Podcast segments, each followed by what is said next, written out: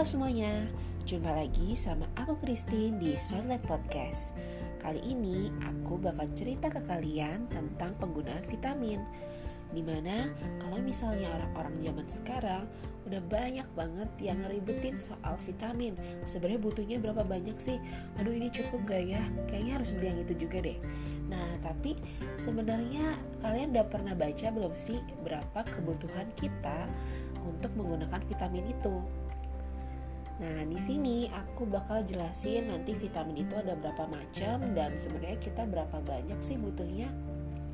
Gimana, udah penasaran? Selama ini bener atau salah ya kalau misalnya pakai vitamin sebanyak itu atau misalnya sedikit aja nih? Yuk kita bahas dari yang pertama ya. Jadi yang pertama aku bakal jelasin ada dua jenis vitamin yaitu vitamin yang larut lemak dan vitamin yang larut air.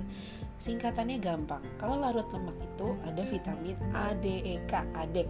Nah, ini vitamin yang sebenarnya bisa disimpan di dalam tubuh dan dipakai lagi nanti saat butuh. Jadi kalau misalnya mungkin rada berlebih nih pakainya hari ini nggak dipakai tubuh bisa nyimpan gitu tapi sebenarnya karena disimpan ini juga makanya penggunaannya nggak boleh terlalu banyak nanti kita bahas ya berapa banyak nah oke okay.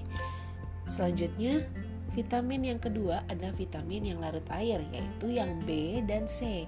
Vitamin ini nggak bisa disimpan di dalam tubuh, jadi harus segera dipakai di hari itu juga. Dan nanti kalau nggak terpakai, dia akan segera dibuang melalui ginjal, jadinya ke air seni kalian kayak gitu. Makanya kalau misalnya kalian mau minum vitamin ini B dan C sebaiknya banyak minum air karena nanti akan membebani kerjanya ginjal.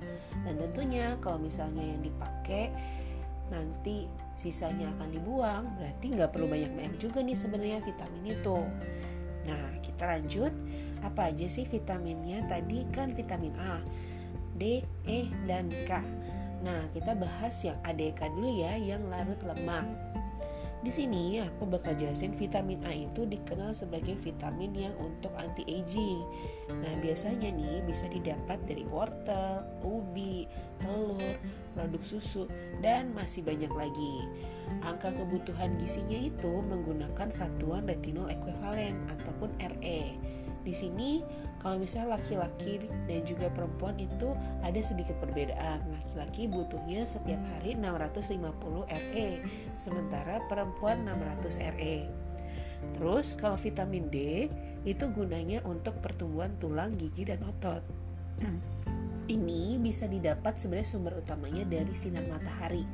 Makanya sekarang orang tuh diminta untuk berjemur meskipun kita itu negara yang tropis tapi ternyata banyak loh orang yang mengalami defisiensi.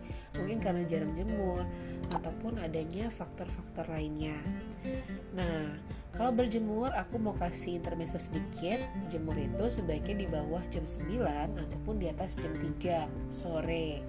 Kenapa? Karena mataharinya belum terik-terik banget Nah, kalau misalnya kalian mau jemur di jam itu tuh kayak 30 menit aja cukup. Kalau misalnya kalian mau di antara jam 9 sampai jam 3 sore itu, ya boleh juga sebenarnya. Tapi kalau misalnya seperti itu paling 15 menit cukup. Kalau misalnya apalagi udah dekat-dekat jam 12 gitu ya, pasti panas banget. Yang penting tuh kalau dari berjemur adalah kalian dapat manfaatnya jangan sampai malah kepanasan, kecapean, apalagi sampai dehidrasi. Kayak gitu. Terus kalau misalnya vitamin D nggak cuma dari sinar matahari, bisa juga dari telur, daging merah dan masih banyak lagi. Kebutuhannya itu pakai angkanya International Unit atau IU. Di sini kalau misalnya dewasa gitu orang dewasa perempuan atau laki-laki sama butuhnya 600 unit. Nah, kalau misalnya orang tua dia butuh lebih banyak, dia itu butuh 800 international unit. Lanjut, Vitamin yang berikutnya adalah vitamin E. Vitamin E ini berguna untuk sistem imun dan juga kesehatan mata serta kulit. Di sini kalian bisa dapetin vitamin E dari sereal, biji-bijian dan minyak sayur, minyak nabati, pokoknya minyak yang dari tumbuh-tumbuhan gitu ya. Terus butuhnya dia itu pakai satuannya MCG atau mikrogram, yaitu 15 mikrogram nih untuk perempuan dan laki-laki dewasa. Terus kalau misalnya vitamin K itu adalah untuk pembekuan darah. Dia berperan tuh salah satu faktor yang ada untuk membantu kalau misalnya kita luka, perdarahannya itu berhenti dengan bantuan si vitamin K ini. Dan dia juga berfungsi untuk kesehatan tulang. Dia bisa didapatkan dari brokoli, sereal, minyak sayur, dan lain-lain. Di sini kebutuhannya kalau laki-laki itu 65 mikrogram pakai yang mcg tadi. Kalau perempuan 55 mikrogram atau 55 mcg tadi ya. Oke, kita lanjut ke vitamin yang berikutnya itu adalah vitamin larut air. Di sini kalau misalnya kalian tahu vitamin B itu tentu bukan cuma satu aja, tapi dia tuh ada banyak angkanya kan B1, B2, B3 nah gitu. Aku bakal jelasin kalian juga satu persatu. Jadi, kalau vitamin B1 nama lainnya adalah tiamin. Nah, ini berfungsi untuk membantu kita memproses karbohidrat untuk jadi energi. Jadi, kalau misalnya kalian itu mau dapat vitamin B1 untuk bantu nih biar karbohidrat misalnya nasi, gandum gitu yang pengen diproses oleh tubuh dibantu sama tiamin bisa dari gandum, roti, sereal, dan kacang. Juga masih banyak sumber-sumber lainnya. Di sini angka kebutuhannya pakai mikrogram juga. Kalau laki-laki 1,2 mikrogram, kalau misalnya perempuan 1,1 mikrogram. Jadi dikit-dikit tuh sebenarnya kan kebutuhan vitamin kita sampai sejauh ini. Terus kalau misalnya vitamin B2 itu nama lainnya riboflavin. Ini untuk kesehatan mata, kulit dan juga syaraf. Bisa didapat dari susu, keju, telur, ubi dan sayur hijau. Di sini kebutuhannya lebih tinggi juga di laki-laki, yaitu 1,3 mikrogram, sementara perempuan 1,1 mikrogram. Nah, masih banyak nih vitamin B berikutnya, yaitu B3. B3 nama lainnya niacin.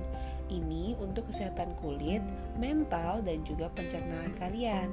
Di mana kalian bisa dapat dari makanan sehari-hari nih, daging, ikan, unggas, gandum, ataupun dari jamur. Nah, kebutuhannya laki-laki itu 16 mg. Jadi dia pakai miligram mg ya. Kalau perempuan 14 mg. Terus lanjut yang vitamin B5 ini nama lainnya adalah asam pantotenat. Nah, di sini untuk bantu pembentukan energi juga dia mengolah dari makanan diolah menjadi energi. Nah, ini bisa didapat dari ayam, dari tomat, dari kentang, dari brokoli dan dari telur serta sumber-sumber lainnya. Di sini kebutuhannya juga sedikit dan untuk perempuan dan laki-laki dewasa itu sama aja yaitu 5 mg. Selanjutnya di sini ada vitamin B6. Vitamin B6 nama lainnya pyridoxine. Nah, ini berguna untuk membantu pembentukan hemoglobin. Nah, hemoglobin ini tuh yang suka berperan di anemia. Oh, HB-nya kurang. Nah, itu anemia gitu. Nah, jadi ada pengaruhnya nih dari vitamin B6 dan juga dia juga akan membantu metabolisme dari karbohidrat dan juga protein. Kalau protein itu seperti ada di daging gitu, ayam, kemudian sapi seperti itu. Nah, didapatkan vitamin B6 ini juga bisa dari sumbernya yang harus diolah juga, yaitu ayam, ikan, telur, susu, sayur-sayuran, dan masih banyak lagi. Ini kebutuhannya sekitar 1,3 mg untuk laki-laki dan perempuan sama. Kemudian kalau vitamin B7 nama lainnya adalah biotin. Ini gunanya untuk memetabolisme lemak nih itulah lemak-lemak yang kita sukai ya. Ini bisa didapat dari buah, dari daging, dari hati dan masih banyak lagi.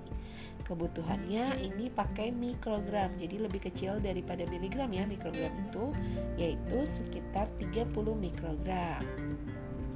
Nah, kita masih lanjut nih untuk vitamin yang sebenarnya berfungsi banget untuk ibu hamil yaitu ada vitamin B9 atau nama lainnya adalah asam folat. Nah, di sini asam folat tentu ibu-ibu, bapak-bapak, teman-teman sekalian udah pada kenal nih. Dan jadi ini berfungsi untuk membentuk sel darah merah dan nanti dia akan membantu di perkembangan janin nih. Perkembangan janin itu terutama dalam membentukkan syarafnya. Ini bisa didapat dari brokoli, dari hati, dari sayur hijau, dan masih banyak lagi. Kalau orang dewasa, perempuan atau laki-laki butuhnya 400 mikrogram. Tapi kalau misalnya lagi hamil ditambahin 200 mikrogram, jadi 600.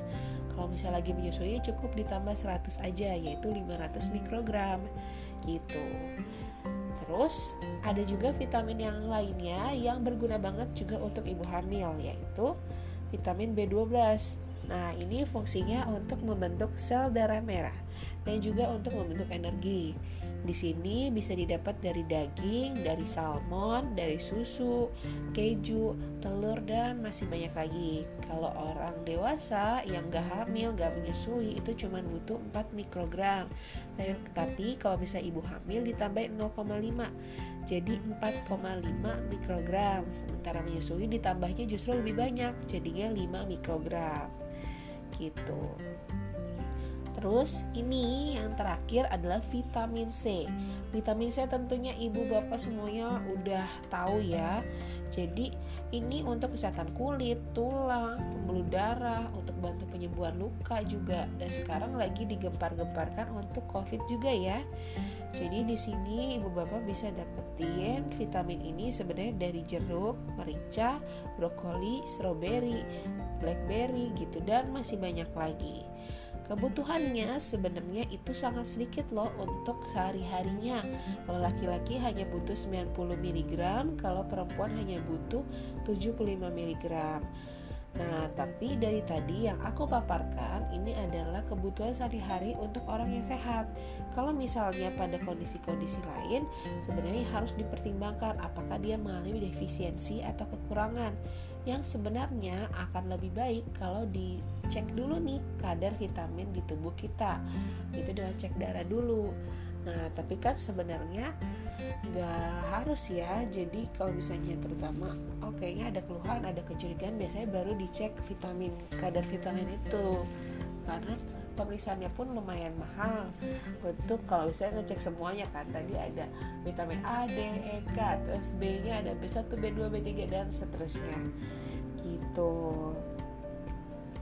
Nah teman-teman itu adalah kebutuhan-kebutuhannya. Nanti bisa dikonsultasikan sama dokter masing-masing kalau kalian ada keluhan tertentu. Ataupun termasuk di era covid ini sebenarnya kalau misalnya orang yang udah didiagnosis covid nah itu kan ada pedomannya sendiri. Butuhnya memang lumayan banyak. Ada yang 500 ada yang 1000 seperti itu. Nanti harus dilihat lagi nih masing-masing kondisinya. Karena itu kan kondisinya sakit jadi bukan sesedikit yang kita kebutuhan sehari-hari pada saat kita sehat seperti yang sudah aku paparkan. Nah yang perlu diperhatikan ada juga selain tadi sesuai dengan kondisi kalian sesuai dengan kadar basalnya atau kadar dasarnya seharusnya ya dengan cek itu Nah, di sini juga sebenarnya jangan dilupakan bahwa kita itu sebenarnya vitamin sebaiknya didapatkan dari sumber yang alami atau sumber makanan atau minuman yang kita konsumsi. Jadi sebenarnya tidak dianjurkan untuk oh apa-apa harus suplemen. Kalau misalnya dari yang alami bisa, tidak perlu suplemen. Kecuali kalau misalnya memang perlu atau misalnya oh kayaknya asupan aku kurang nih untuk uh, kandungan-kandungan vitamin tertentu. Oh iya boleh. Kita tambahkan dengan suplemen. Karena sebenarnya suplemen itu kan buatan pabrik juga seperti itu. Jadi pasti ada kemungkinan untuk efek samping yang lebih besar dibandingkan dengan kita makan-makan biasa aja. Misalnya dari ayam tadi kan dari buah-buahan dari sayur-sayuran. Nah seperti itu dan tentunya kembali lagi kita harus sesuai dengan kebutuhan kita sesuai dengan kadar yang misalnya oh kalau misalnya kita kekurangan bertanya kepada dokter sebaiknya minum berapa banyak atau kalau kita sakit sebaiknya minum berapa banyak agar kita itu jangan sampai berlebihan juga yang nantinya malah menimbulkan efek sampingnya Oke, seperti itu yang bisa aku sampaikan hari ini. Apa kalian ada yang mau ditanya lagi? Atau misalnya mau komentar soal apa yang aku sampaikan, pengen kasih info baru, boleh banget. Langsung DM aja ke Instagram aku di @christine_2 ya. Oke, sampai di sini dulu episode podcast kali ini edukasi multivitamin. Nanti kalau misalnya berikut-berikutnya mau di request apa aja juga DM langsung aja ya. Tetap di Soulmate Podcast. Dadah semuanya. thank you